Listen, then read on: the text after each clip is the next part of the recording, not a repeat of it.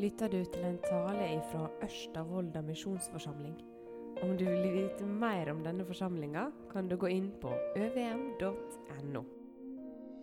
Ja, dette her er jo spennende, da. Jeg tenkte dette var et uh, litt uh, spennende tema og greit å få belyst. og Derfor så spilte jeg det inn til, uh, til Steffen. Og det var selvfølgelig ikke meninga at jeg skulle få igjen det som en bumerang sjøl, men sånn går det ofte. Så jeg svarte ja til det da, etter å ha sovet på det en natt. Og dette ordet som Steffen nevnte her til å begynne med, eh, det er henta fra 1. Timoteus brev, eh, kapittel 3 og vers 15, der det står sånn, og det er Paulus som skriver til Timoteus, som er plassert i, i Efesus.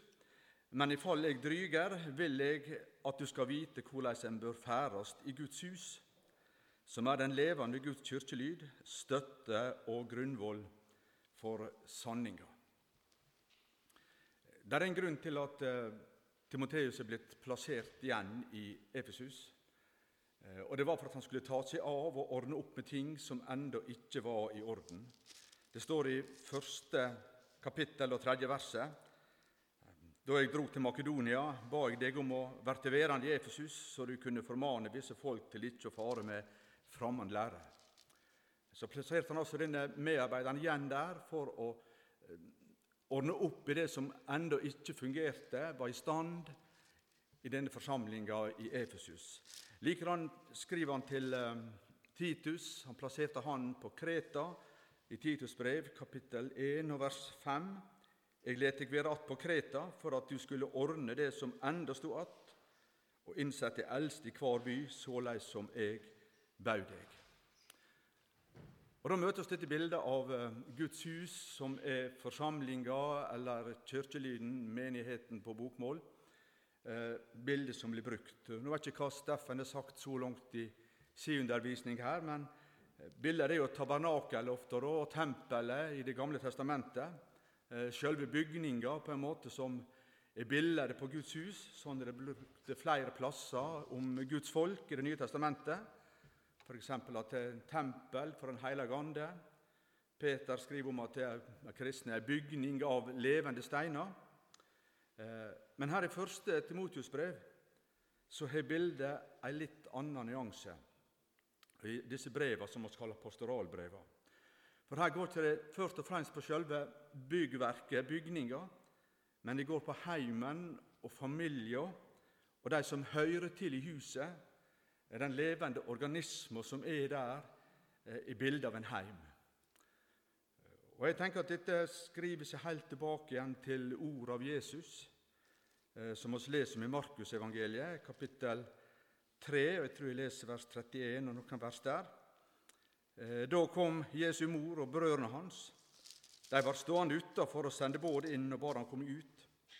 Det satt folk ikring han, og de sa til han, Sjå, mor di og brødrene dine er utenfor og spør etter deg. Han svara dem og sa, Hvem er mor mi og brødrene mine? Og han så på de som satt ikring han og sa, Sjå, her er mor mi og brødrene mine. Den som gjør Guds vilje, han er bror min og søsteren min og mor mi. Allerede her ser vi hvordan Jesus snakker om sine, de som tror på Han, føler Hans ord, hører til i Hans flokk. Det er Hans møre, brød og søstre hans familie. Der er bilder av et hus og en heim som skal fungere sammen.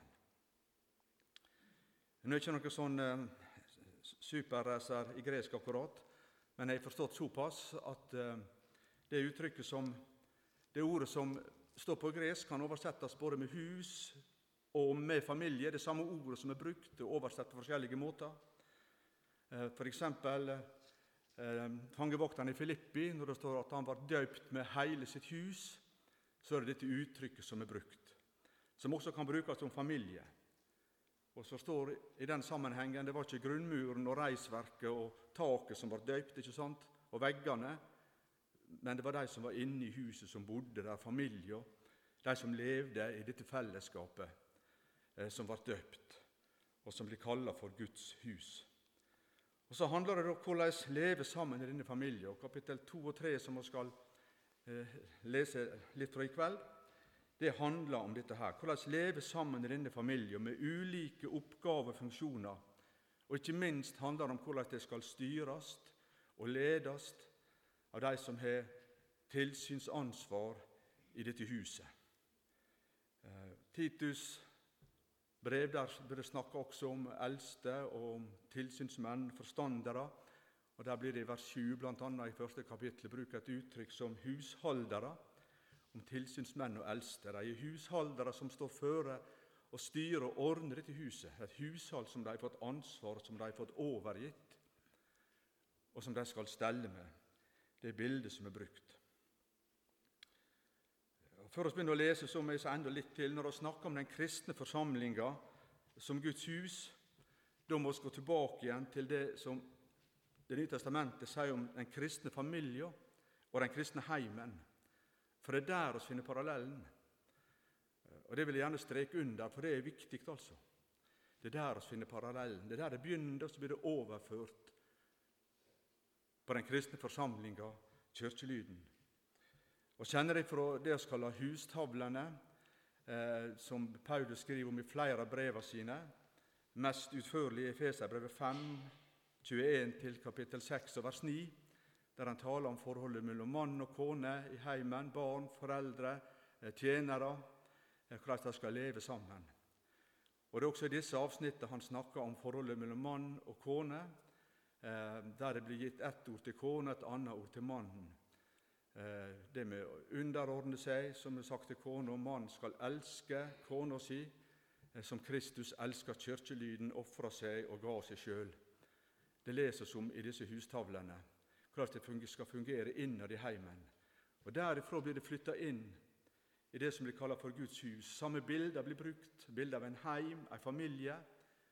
Og Denne parallellen den er umåtelig viktig å få tak i, for hvis ikke så blir egentlig uten mening, mye av det som står i disse kapitlene som vi skal lese og stanse litt for nå i kveld. Det er også i dette avsnittet, kapittel 2, vers 11-15, så leser vi et avsnitt om dette med, som blir kalt for tjenestedeling, er mer eller mindre godt eller dårlig ord, mellom mann og kvinne i den kristne forsamling. Det finnes også her i dette avsnittet. Og Da er det også viktig å tenke på parallellen fra hustavlene mellom mann og kvinne i heimen og mann og kvinne i forsamlinga. Jeg kommer litt tilbake til det etterpå, selv om jeg ikke skal snakke så veldig mye om det. Nå leser vi først fra kapittel 2, og så leser vi de ti første versene. Framfor alle ting formaner jeg derfor til at det blir gjort bøner, påkallinger, forbøner og takk for alle mennesker. For konger og for alle som er i høg stilling, så vi kan leve et stilt og rolig liv i all Guds frykt og gode seder. Dette er godt og til hugnad for Gud, vår Frelser, Han som vil at alle mennesker skal verte frelste og komme til å kjenne sanninga. For det er én Gud og én mellommann mellom Gud og menneske, mennesket Kristus Jesus. Han som gav seg sjøl til en løysepenge for alle, et vitnemål i si tid. For dette vart eg sett til forkynner og apostel, eg taler sanning, eg lyg ikkje en lærer for heidningene i tru og sanning. Eg vil da at mennene på kvar en stad skal be såleis at de løfter heilage hender uten vreide og krangel. Like eins skal kvinnene kle seg sømeleg og pynte seg høvisk og med måtehald. Ikke med hårflettinger og gull eller perler eller dyre klede, men med gode gjerninger som det sømer seg for kvinner som vedkjenner seg Guds frykt. Slik skriver Paulus til Timotius, som han er satt igjen i Efesus for å ordne det som har med, med gudstjeneste og, og forholdene i forsamlinga å gjøre. Og Da begynner han med det viktigste først, sier han. Framfor alle ting formaner jeg, sier han, at det blir gjort bønner, påkallinger, forbønn og takk for alle mennesker. Det viktigste først, sier han. Det er ikke sikkert at oss tenker at det er så viktig. Det er ikke det vi er først og fremst opptatt med. Her er mange andre spennende ting i disse kapitlene som vi på en måte eh, vil springe til. Men her begynner det, sier han. Dette er det viktigste framfor alle ting. Så er det dette han legger Timotius på minnet at han må få i orden. Og da tenker jeg at det er snakk om gudstjeneste her i dette kapittelet. Eh, den offentlige gudstjeneste, forsamlinga, når de kommer sammen. Da skal dette ha rom, skal dette ha plass. forbønner, bønnene, takk for alle mennesker. Ehm, det er noe så hva skal jeg si utovervendt i det som Paulus skriver her. Ehm, når jeg ber, og kanskje kan si oss ber, også skal be på et møte og ha bønn, så blir det ofte om det nære, om meg sjøl, de aktuelle problemer som vi ser hos våre aller nærmeste sånn rundt oss. Og så blir dette som Paulus nevner her, det blir ofte utelatt og glemt, ofte i den frie bønna. Men her er det snakk om å gjøre det for alle mennesker, for konger for alle som er i høg stilling. Det er noe utovervendt som er viktig å ta med seg. Og hvorfor er det det? Ja, så vi kan leve et stilt og rolig liv i all Guds frykt og gode seder, sier han. Det er formålet. Eh, når det går godt med de som oss ber for, som styrer og har ansvar, da blir det også til velsignelse for oss. Så kommer dette innskuddet der han snakker om Gud som vil at alle mennesker skal bli frelst, om Jesus som mellommann, og han som ga seg sjøl som en løsepenge, ble ofra, ikke sant? Eh, og så snakker han om forkynnelsen av evangeliet. Dette er jeg sett til apostel for, forkynner for, en lærer for hedningene i tru og i sanning, sier han. Forbønner altså for alle mennesker, for de som styrer og steller, har dette formålet at vi skal få leve og ha det godt som forsamling, og at det skal åpne seg dører for at evangeliet kan nå videre, og mennesker kan bli frelst. Det er den store sammenhengen. Ehm, jeg husker da jeg var liten gutt. Eh, så ofte, eller ofte og rett som det var, iallfall da, til gudstjeneste i Borgund. Det var langt å reise fra Emblem og ut dit, men vi var der rett som det var. Eh, kjedeligste programposten det var kirkebønna, det må jeg innrømme da jeg var liten gutt. Den var lang, syns jeg, og, og oppretende. Eh, så derfor husker jeg den, da. Men samtidig er det noe fint med det, altså.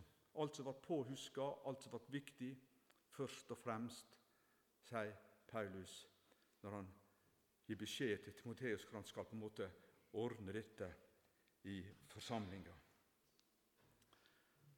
Og Så skriver han om mennene. Hver på sin stad skal be således at de løfter heilage hender, uten vreide og krangel, sier han. Uten vreide og krangel. Eh, det skal være et ordna forhold. Det må ikke ligge noe imellom. Eh, det ødelegger for bønnelivet, det ødelegger for åpenheten mellom oss. Da blir det noe avstumpa og noe ufullstendig over det. Dette må du ordne opp med, Timoteus, sier han. At det er gode forhold mellom mennene når de løfter hendene og skal be i forsamlinga. Eh, viktig. Kanskje var det noe som måtte takast tak i. Og så skriver han om kvinnene.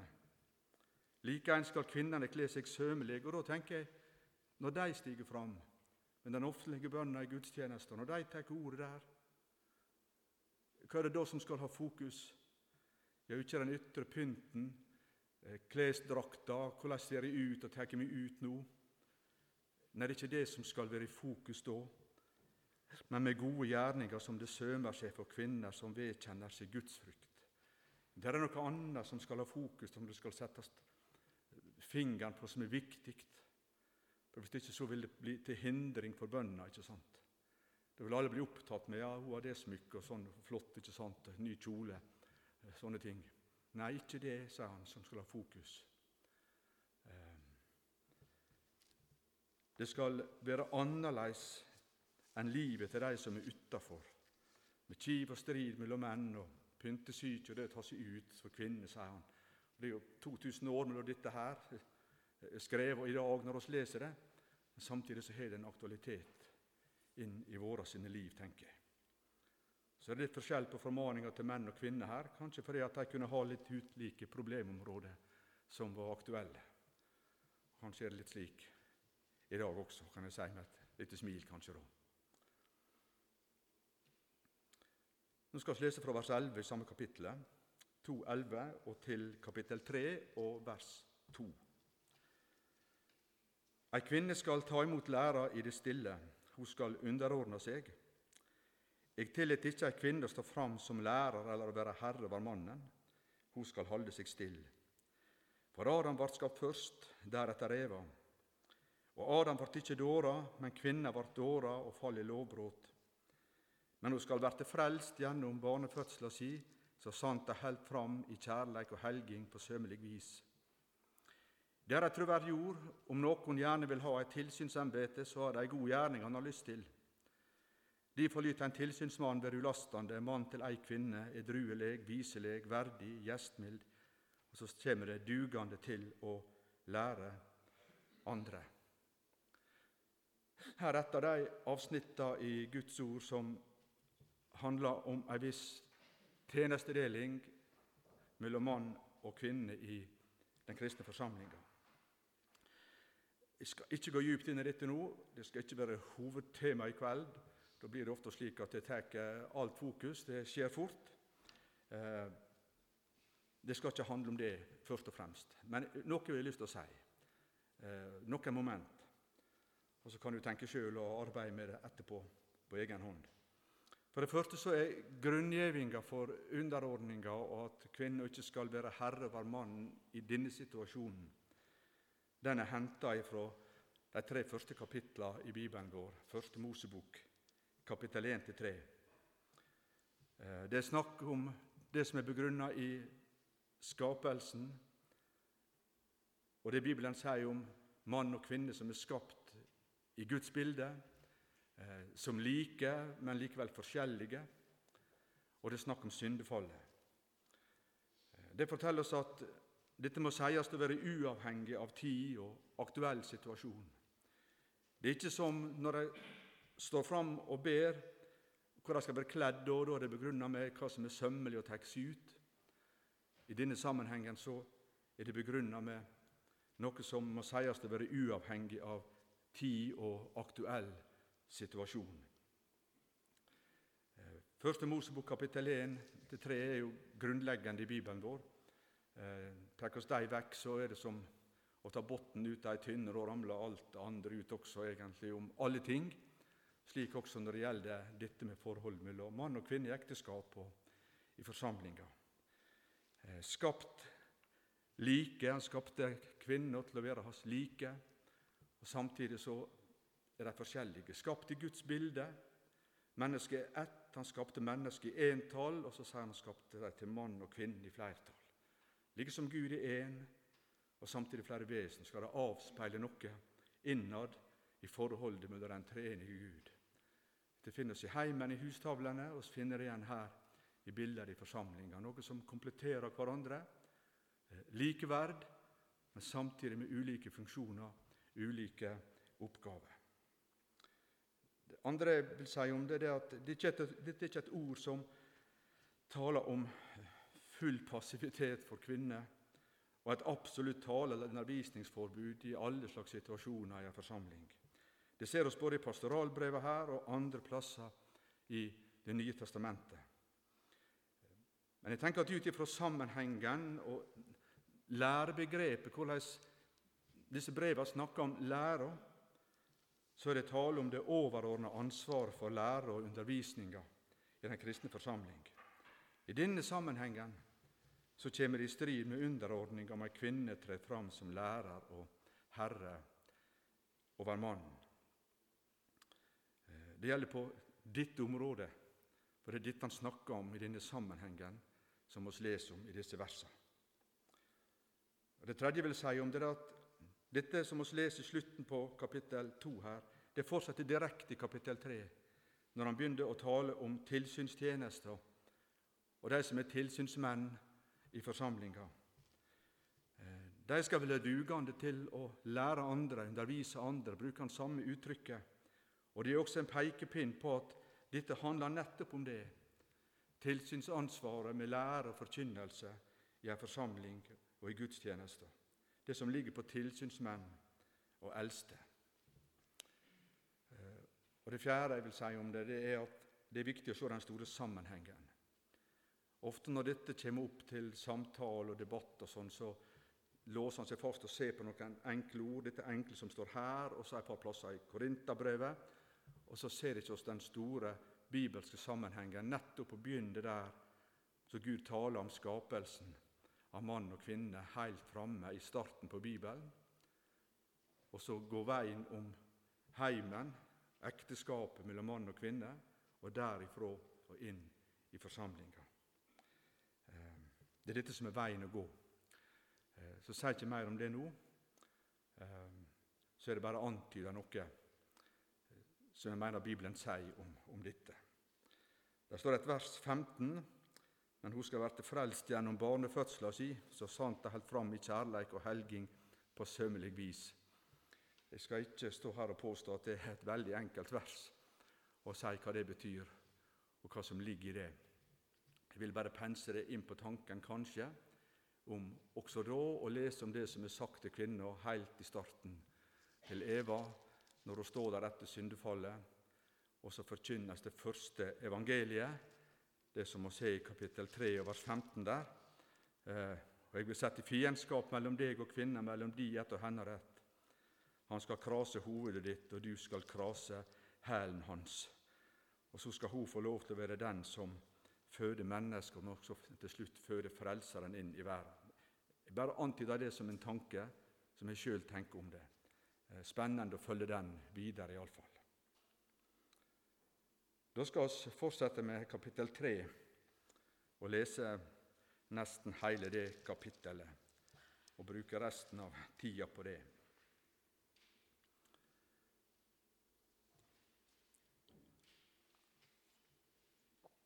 Det er et troverdig ord. Om noen gjerne vil ha et tilsynsembete, så er det ei god gjerning han har lyst til. Derfor lyt en tilsynsmann være ulastende, mann til ei kvinne, edruelig, viselig, verdig, gjestmild, dugande til å lære andre. Ikke drikkfeldig, ikke voldelig, men mild. Ikke stridslysten eller pengekjær. Han må styre huset sitt vel og ha lydige barn med høvisk ferd. Men den som ikke veit å styre sitt eget hus, hvordan kan han ha omsut for Guds kirkelyd? Han må ikke være nyomvend, så han ikke skal blåse seg opp og falle under samme dommen som djevelen. Han må òg ha godt vitnemål for de som er utenfor, så han ikke skal verte til spott og gå i djevelens snare. Likeens må tjenerne i kirkelyden være aktverdige, ikke tvitunga, ikke lystne på mye vin, ikke ha hug til skammelig vinning. De må være slike som hegner om løgndommen i trua i et godt samvit. Disse òg skal først prøvast, så skal en la tjene kirkelyden om de er ulastende. Likeens kvinnene, de lyt være verdige, ikke fare med baktale, men være edruelige og trufast i alle ting. En tjener i kirkelyden skal være mann til ei kvinne, oppse de barna sine og styre huset sitt på en god måte. For de som har vært gode tjenere i kirkelyden, får sjølve vellagta stilling og stort frimod i trua på Kristus Jesus. Dette skriver jeg til deg, enda jeg voner at jeg snart kan komme til deg. Men ifall jeg dryger, vil jeg at du skal vite hvordan en bør færes i Guds hus, som er den levende Guds kirkelyd, støtte og grunnvoll for sanninga. Leser vers 16 også. Og det må alle sanna, og denne løgndommen i Guds frykt er stor. Gud åpenbærer i kjøtt, rettferdiggjort i ånd, sett av engler, forkynt for folkeslag, trudd i verda, oppteken i herligdom. Det er et eh, voldsomt avsnitt egentlig i Guds ord eh, om krava til tilsynsmenn og tjenere, eh, diakonene, i en forsamling. Nå er det mange frie og spontane tjenester i en forsamling. Det kan variere fra plass til plass. Det leses om i flere av brevene. Første Korinterbrev, i nådegavelistene der og sånn. Forstår oss det at her her er veldig mange ting som fungerer på forskjellige måter. Men så er det noen tjenester som er eller bør være faste, fordi at de på en måte er nødvendige, det helt avgjørende. Bl.a. at Guds ord blir forkynt, og at det er noen som passer på lære og forkynnelsen, at ikke det uteblir eller går galt av gårde, for da forliser underforstått hele Guds forsamling hvis det på en måte blir galt og kommer inn på feil spor. Eh, så leser vi om eh, I min oversettelse her står om noen har lyst til et tilsynsembete. I 2011-oversettelsen står det 'tilsynstjeneste'.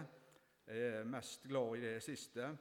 Eh, dette med embete kan jo forstås rett, selvfølgelig. Eh, men det ledes fort inn på kanskje tankene av at her er det noen som er på et høyere nivå, en egen stand av ordinerte, og så er det da eh, den vanlige lyden under. Det er ikke slik å forstå. Her er det tjenester som skal fungere, eh, oppgaver som må fylles. Så det er en tjeneste i forsamlinga, uten at han dermed er noe som på en annen nivå, en annen stand eller de andre.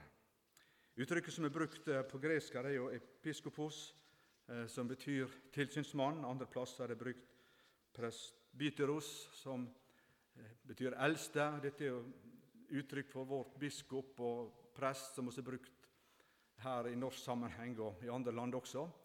Eh, I Det nye testamentet så er det ingen forskjell på disse tingene. De er brukt om hverandre eh, uten at det er noen nivåforskjell. Det er samme tjeneste, så langt jeg kan se, både tilsynsmann og eldste. I dåtida var det vanlige verslige titler i samfunnet som også var brukt, og så ble det tatt inn og brukt eh, om tjeneste i den kristne forsamlinga. Og ser det i kapittel 5 og vers 17 kommer dette veldig godt fram. Ehm, de eldste som er gode forstandere, skal han holde verdig til dobbel eh, skal dobbel ære, særlig de som arbeider med forkynning og lære. Der er han brukt uttrykket 'eldste'. I kapittelet vårt så er det uttrykket 'tilsynsmann'. Og Går vi til Titus brev, kapittel 1, vers 6 og 7, så kommer dette enda tydeligere fram. Der også er det kvalifikasjonene det er snakk om. En eldste lyt være ulastende, han må være mann til ei kvinne og truende barn, som ikke har ord på seg for utskeiinger eller trass. For en tilsynsmann å være ulastende som husholder for Gud. Der er begge disse uttrykka brukt vekselsvis om samme tjeneste. Og Det vil jeg også sette et strek under. Det kan godt være en liten kjepphest for meg, mange mener det. men jeg sier det likevel. Altså, det er aldri brukt i bestemt form. Eh, det er alltid, det er alltid en tilsynsmann. Det står som 'den ene'. Det er alltid flere i en forsamling overalt i Det nye testamentet. Så er det innsett eldste, ikke den ene, men det er flere i en forsamling som utfyller hverandre. Eh, jeg tenker det er viktig. Hva krav blir så stilt til en tilsynsmann og en eldste, en som skal ha en tilsynstjeneste. Hva skal han se etter? Eh, hva skal oss, dere som forsamling, legge vekt på i en sånn sammenheng? Hva skal de måles på? Så kan jo tenke på hva som er fokus når vi ser på utlysing av stillingsannonse til pastor og leder og sånn. Eh, hva er det som står der da? Ofte så er det dette med å være en flink organisator, administrator, visjonær, eh, flink formidler, disse tingene her. Eh, viktig, det. Men så er det så rart å komme hit til Timotius-brevet, og så er det nevnt så å si utelukkende nesten bare etiske kvalifikasjoner. Eh, nesten skremmende kanskje for den som vil ha eller kommer inn i en slik tjeneste med livet sitt. Det begynner sånn. En tilsynsmann må være ulastende, står det. Kanskje det som ei overskrift over alt det andre. Det skal ikke være noe å sette fingeren på. Så Jeg tror ikke det er snakk om at det er noe sånn, noe sånn detaljrik fullkommenhet. Eh, men det må ikke være slik at eh, Eh, det er noe som eh, hefter ved han, som gjør at det blir til hinder for tjeneste og dårlig rykte, at det ikke vil fungere, at det ikke får tillit. Jeg tror det er det det dreier seg om. Det må ikke være noe som hefter ved han på den måten at det er ødeleggende for tjeneste og for rykte.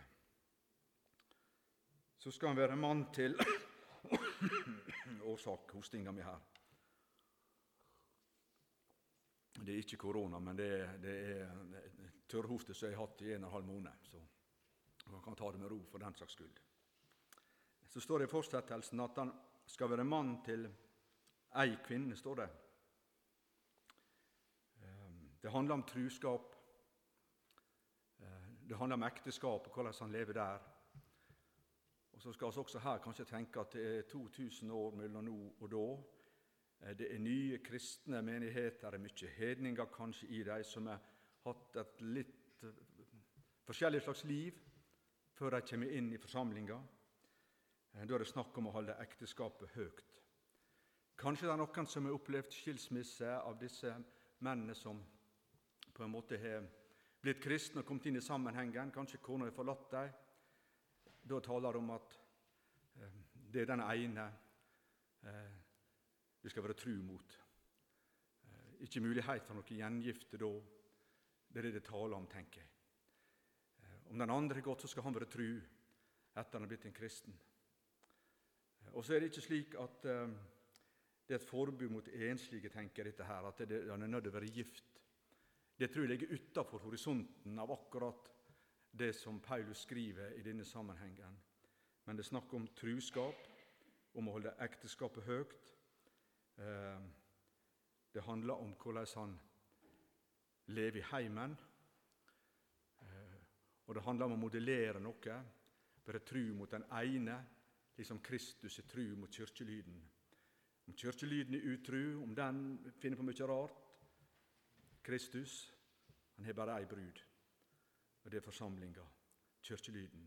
Så er det det som er bildet her, og som skal avspeiles også i tilsynsmannen sitt liv og i de vanlige ekteskapene mellom mann og kvinne i ei forsamling. Han må være edruelig, står det.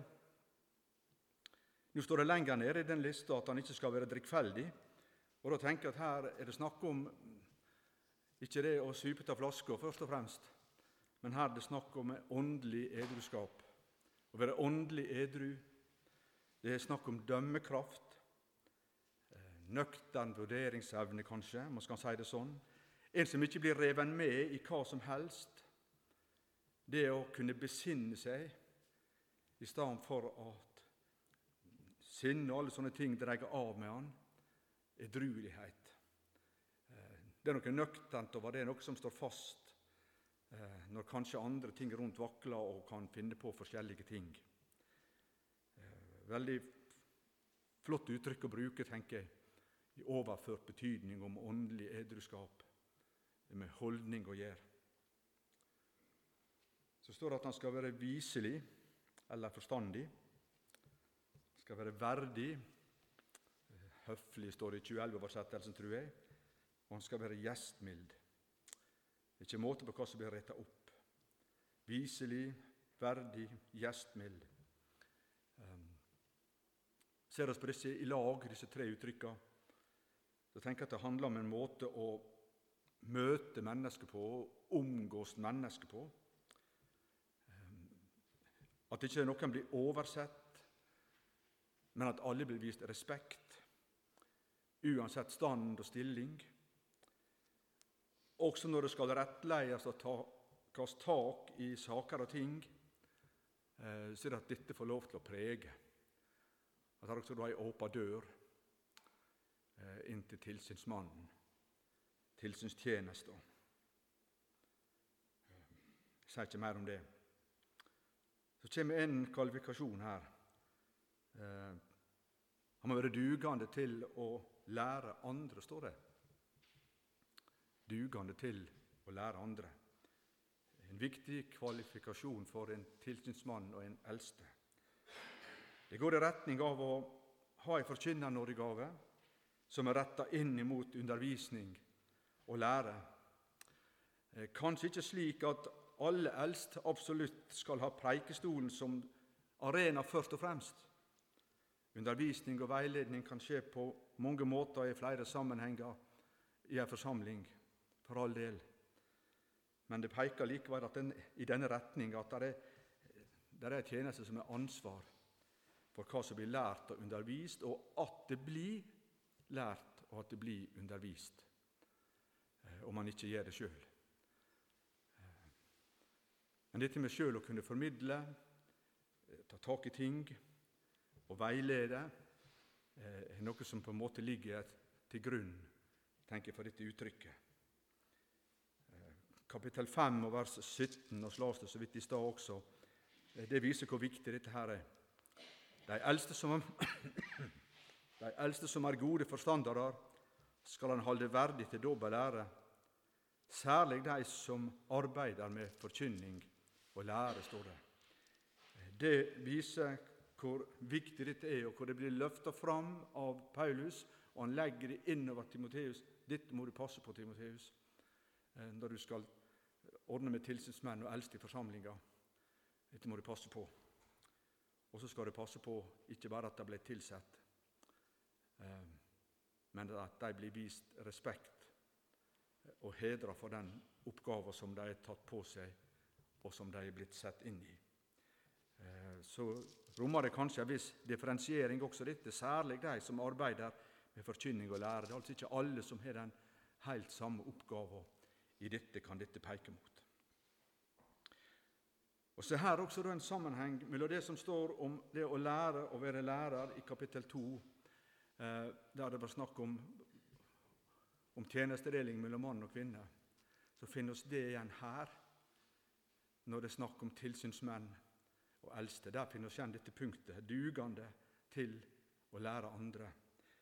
Eh, og Det er også peker på at kanskje det er det, overordna læreansvaret det er snakk om her, som ligger til tilsynstjenester.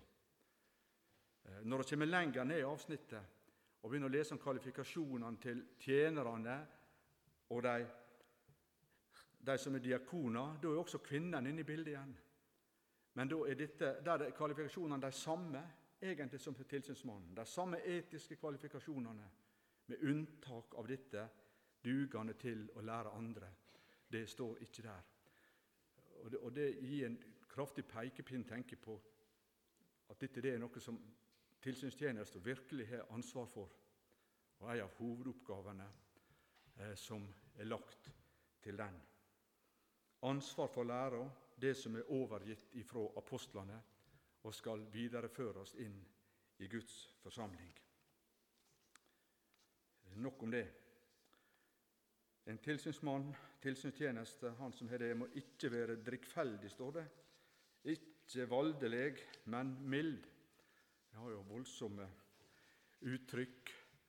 Eh, sikkert skrevet i en litt annen situasjon og setting enn det som dere har i forsamlinga her i Volda, kan jeg tenke meg.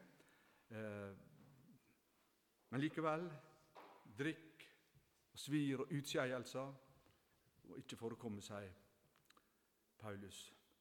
Ikke voldelig eller, eller hardhendt.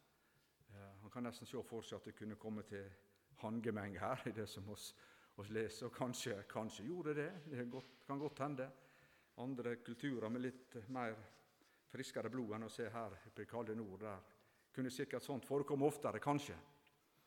Eh, la oss ta så mye tid med det, men bruke litt tid på det som er motstykket til dette drikkfeldig, hardhendt, voldelig. Og så står det 'men mild'. står det. Men mild. Eh, et viktig ord. Eh, litt sånn godt ord å smake på, nesten. Eh, møte mildhet. Det er ofte oversett samme ordet med det å være rimelig. Det er snakk om å ikke være paragrafrytter. Eh, som gjør sånn og sånn, sånn er det. Sånn, sånn, sånn. Men en som tar hensyn til omstendighetene. Eh, kan se hva som er grunnen til et feiltrinn. Kan se ting som ligger bak.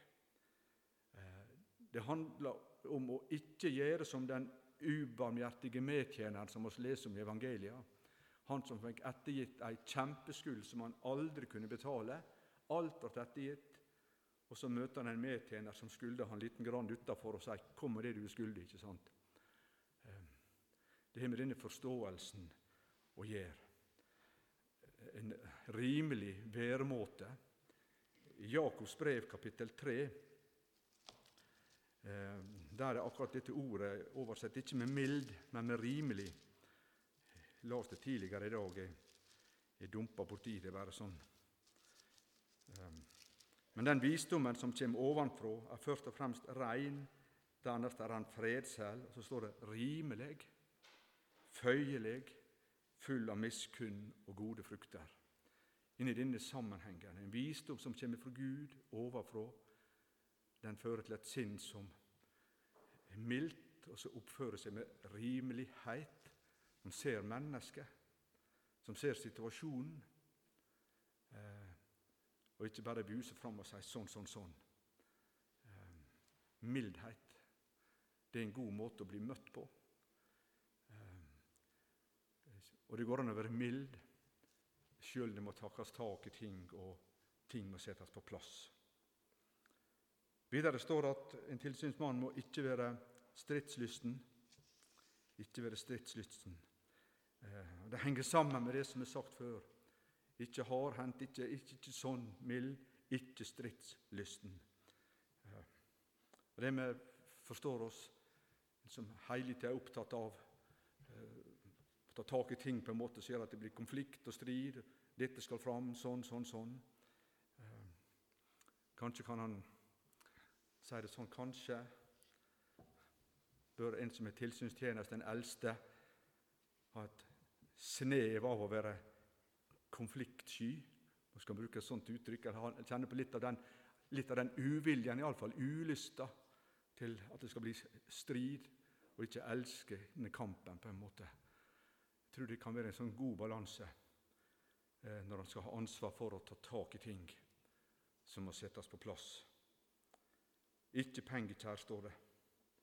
Ikke pengekjær. um, kapittel 6 vers 10, det er jo i brevet her det står dette uttrykket. For kjærleik til penger er ei rot til alt vondt. Det står altså ikke 'rota til alt vondt', som det ofte blir sitert. Det er flere røtter til vondskap. Det er ikke så enkelt at det er bare denne her. Men dette er ei av dem, sier Bibelen. Kjærleik til penger er ei rot til alt vondt. Ehm, lett å snakke store ord om det for den som er fattig og har lite, og kritisere den som har mye. enn det er en fare for oss alle, og særlig for en som har ei tilsynstjeneste. Det må være integritet mellom hvordan han oppfører seg med penger, det å ta imot ting. Du kan få belønning, du kan bli smurt Eh, på forskjellige måter. Viktig med integritet. Og Eksemplene er mange, oss kjenner de alle sammen. Kanskje både til, i vårt land og enda mer når vi leser om disse store megakirkene i Amerika, hvor penger og en voldsom livsstil får lov å utfolde seg. Eh, ikke pengekjær. Eh, det skaper avstand, og det ødelegger forhold, og det ødelegger et hjerte eh, til den som er inntatt av det. Vers 4 og 5. Nå må jeg gå på litt der klokka går, ser jeg. Han må styre huset sitt vel og ha lydige bånd med høvisk ferd. Men den som ikke veit å styre sitt eget hus, hvordan kan han ha omsut for Guds kirkelyd?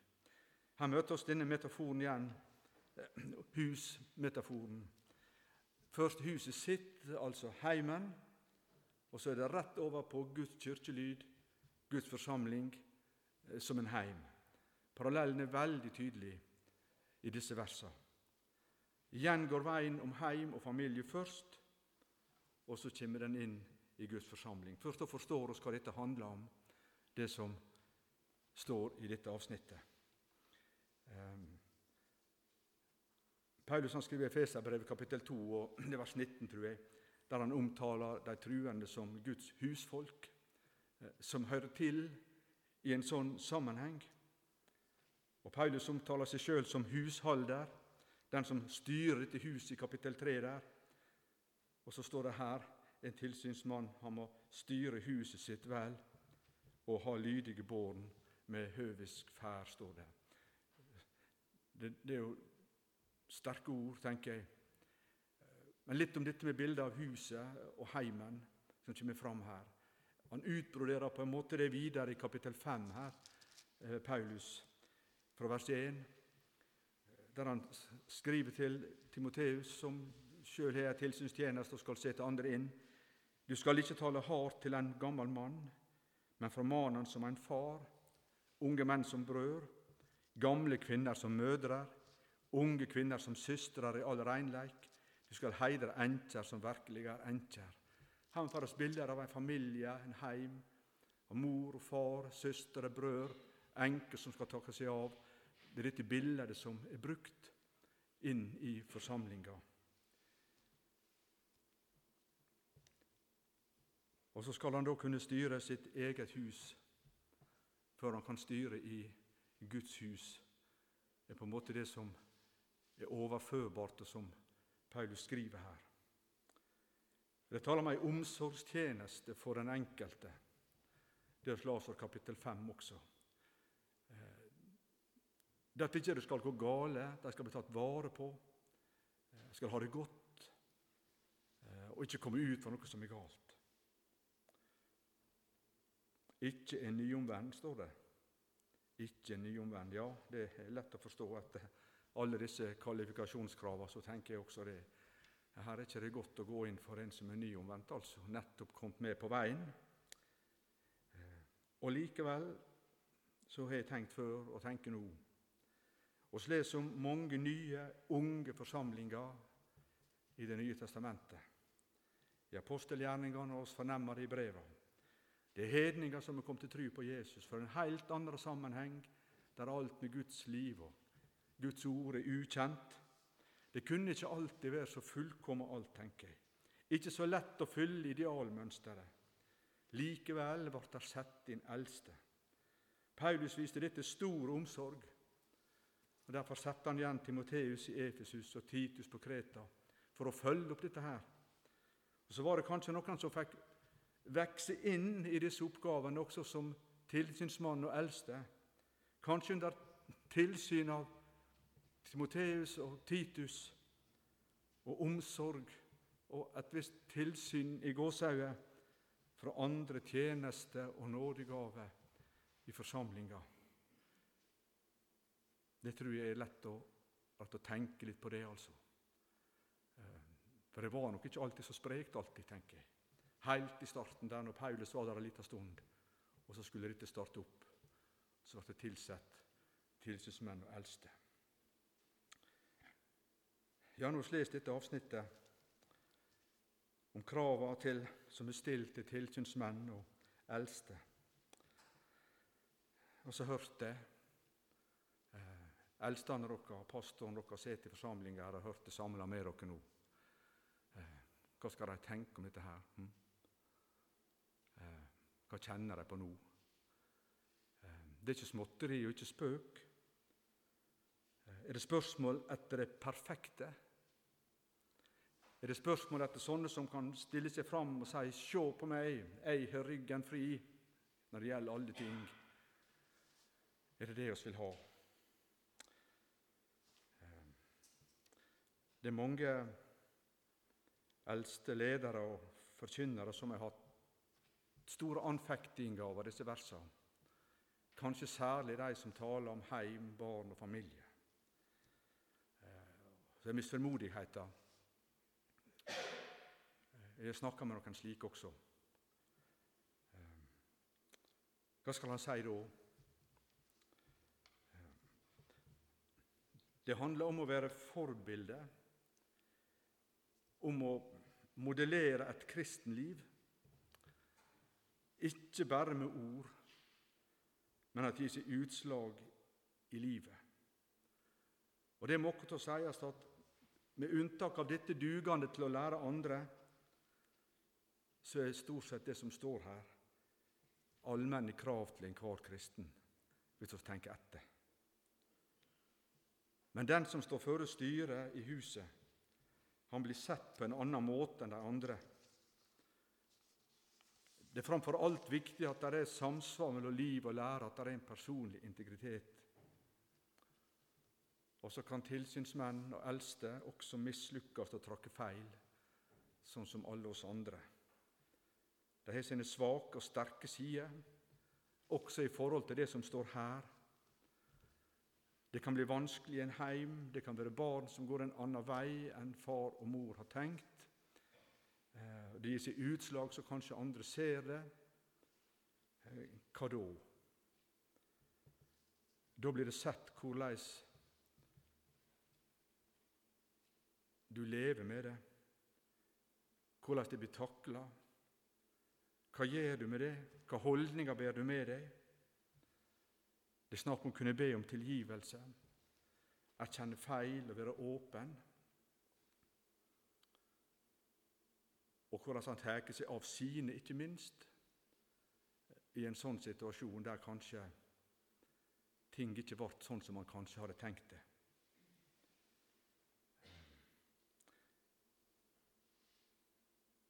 På en måte bort med det glattpolerte pastorbildet som ingen våger å komme nær. Heller vil oss ha åpne og ærlige liv så det er mulig å forholde seg til.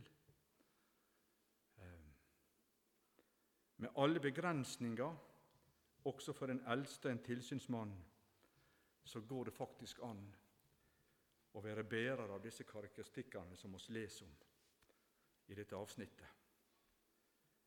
Selv om ting skjer seg, alt ikke fullkomment, så går det likevel an å eie noe av det, være bærer av det. Ehm, og det må være lov å forgå seg, trakke over, og så få lov til å gjøre opp. Og komme fram med det i etterkant, tenker jeg. Det er lett å kritisere. La de som er eldste og tilsynsmenn, få lov til å møte verdsetting, takk og respekt. Vi eh, lever i en kultur der det er forakt for autoriteter, og alle vil gå på sjølstyre og bestemme, retning mot anarki. Ofte kan vi få følelsen av det. Ikke slik i Guds forsamling, i Guds hus. Eh, lærer dette avsnittet oss noe om. Og så Les dette kapittel 5 over 17 en gang før. De eldste som er gode forstandere, skal han holde verdige til dobbel lære. Særlig de som arbeider med forkynning og lære. Det er noe å legge seg på minnet. Og Det samme står i 1. Tessalonika-brev, kapittel 5 og vers 12. Vi ber dykk brødre til verdsett de som arbeider mellom dykk, de som er dykk forstandere i Herren og formaner dykk. For de har ei viktig oppgave, et viktig oppdrag, som Paulus skriver til de eldste i Efesus, der han sier det til dem, avskjedstalen sin, apostelgjerningene 20 over 28. Så tak nå vare på deg sjøl og på hele den jorda som Den heilage ande har sett deg til å være tilsynsmenn for, så det skulle vakte Guds kyrkjelyd, som Han vant seg med sitt eget blod. Det er snakk om store ting, og det er snakk om å være forvalter av enormt store verdier. Guds kirkelyd, Guds forsamling, som han vant seg med sitt eget blod.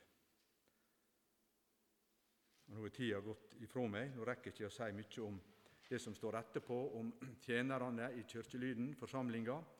Bare peke på at det er samme kvalifikasjoner som er nevnt der, med unntak av denne å være dugende til å lære andre. Det er ikke ei tjeneste med bare noe småtteri og noe pjask. Det er også ei viktig tilsynstjeneste med ting i forsamlinga, med mennesker som skal ha omsorg. Eh, ei tjeneste på, som kan fungere på mange plan. Og Her er kvinnene tatt inn også i denne tjenesten. Det har jeg lyst til å streke under. Vers 11. Likeens kvinnene, de lar være verdige, ikke fare med baktale, men være edruelige og trufaste i alle ting. Og Det er merkelig. Det er ikke bare for å si noe om hva de skal være, men det er for at her har de sin tjeneste og sin plass. Likedan som de står i det som står i starten i kapittel 2, når det er snakk om bønner og tjeneste i forsamlinga. Da er de på plass. Men når det er tilsynstjenester, da er det menn som er eldste og tilsynsmenn i forsamlinga. Noen som har gave og utrustning til det. Men ifall jeg dryger, vil jeg du skal vite en bør ferdast i Guds hus, som er den levende Guds kyrkjelyd, støtte og grunnvoll for sanninga. Kjære Herre Jesus, takk for ditt ord. Det som vi har lest og stansa for nå, det var også en del av dette ordet som du har formidla gjennom apostelen din Paulus, Herre. Be om at vi kan drage lærdom av det, at det kan få betydning for livet vårt, for samlinga vår, for tjenesta vår, på samme hva plass hun står. Og Særlig ber oss for de som har fått denne tjenesten, vært tilsynsmenn, eldste i forsamlinga, at de får egen utrustning og gave fra deg. Du preger dem med ditt sinn, ditt hjertelag og din omsorg. Takk for den store verdien som forsamlinga, kirkelyden, er, som du vant deg med ditt blod, Herre. Takk at oss alle skal få lov å være med der.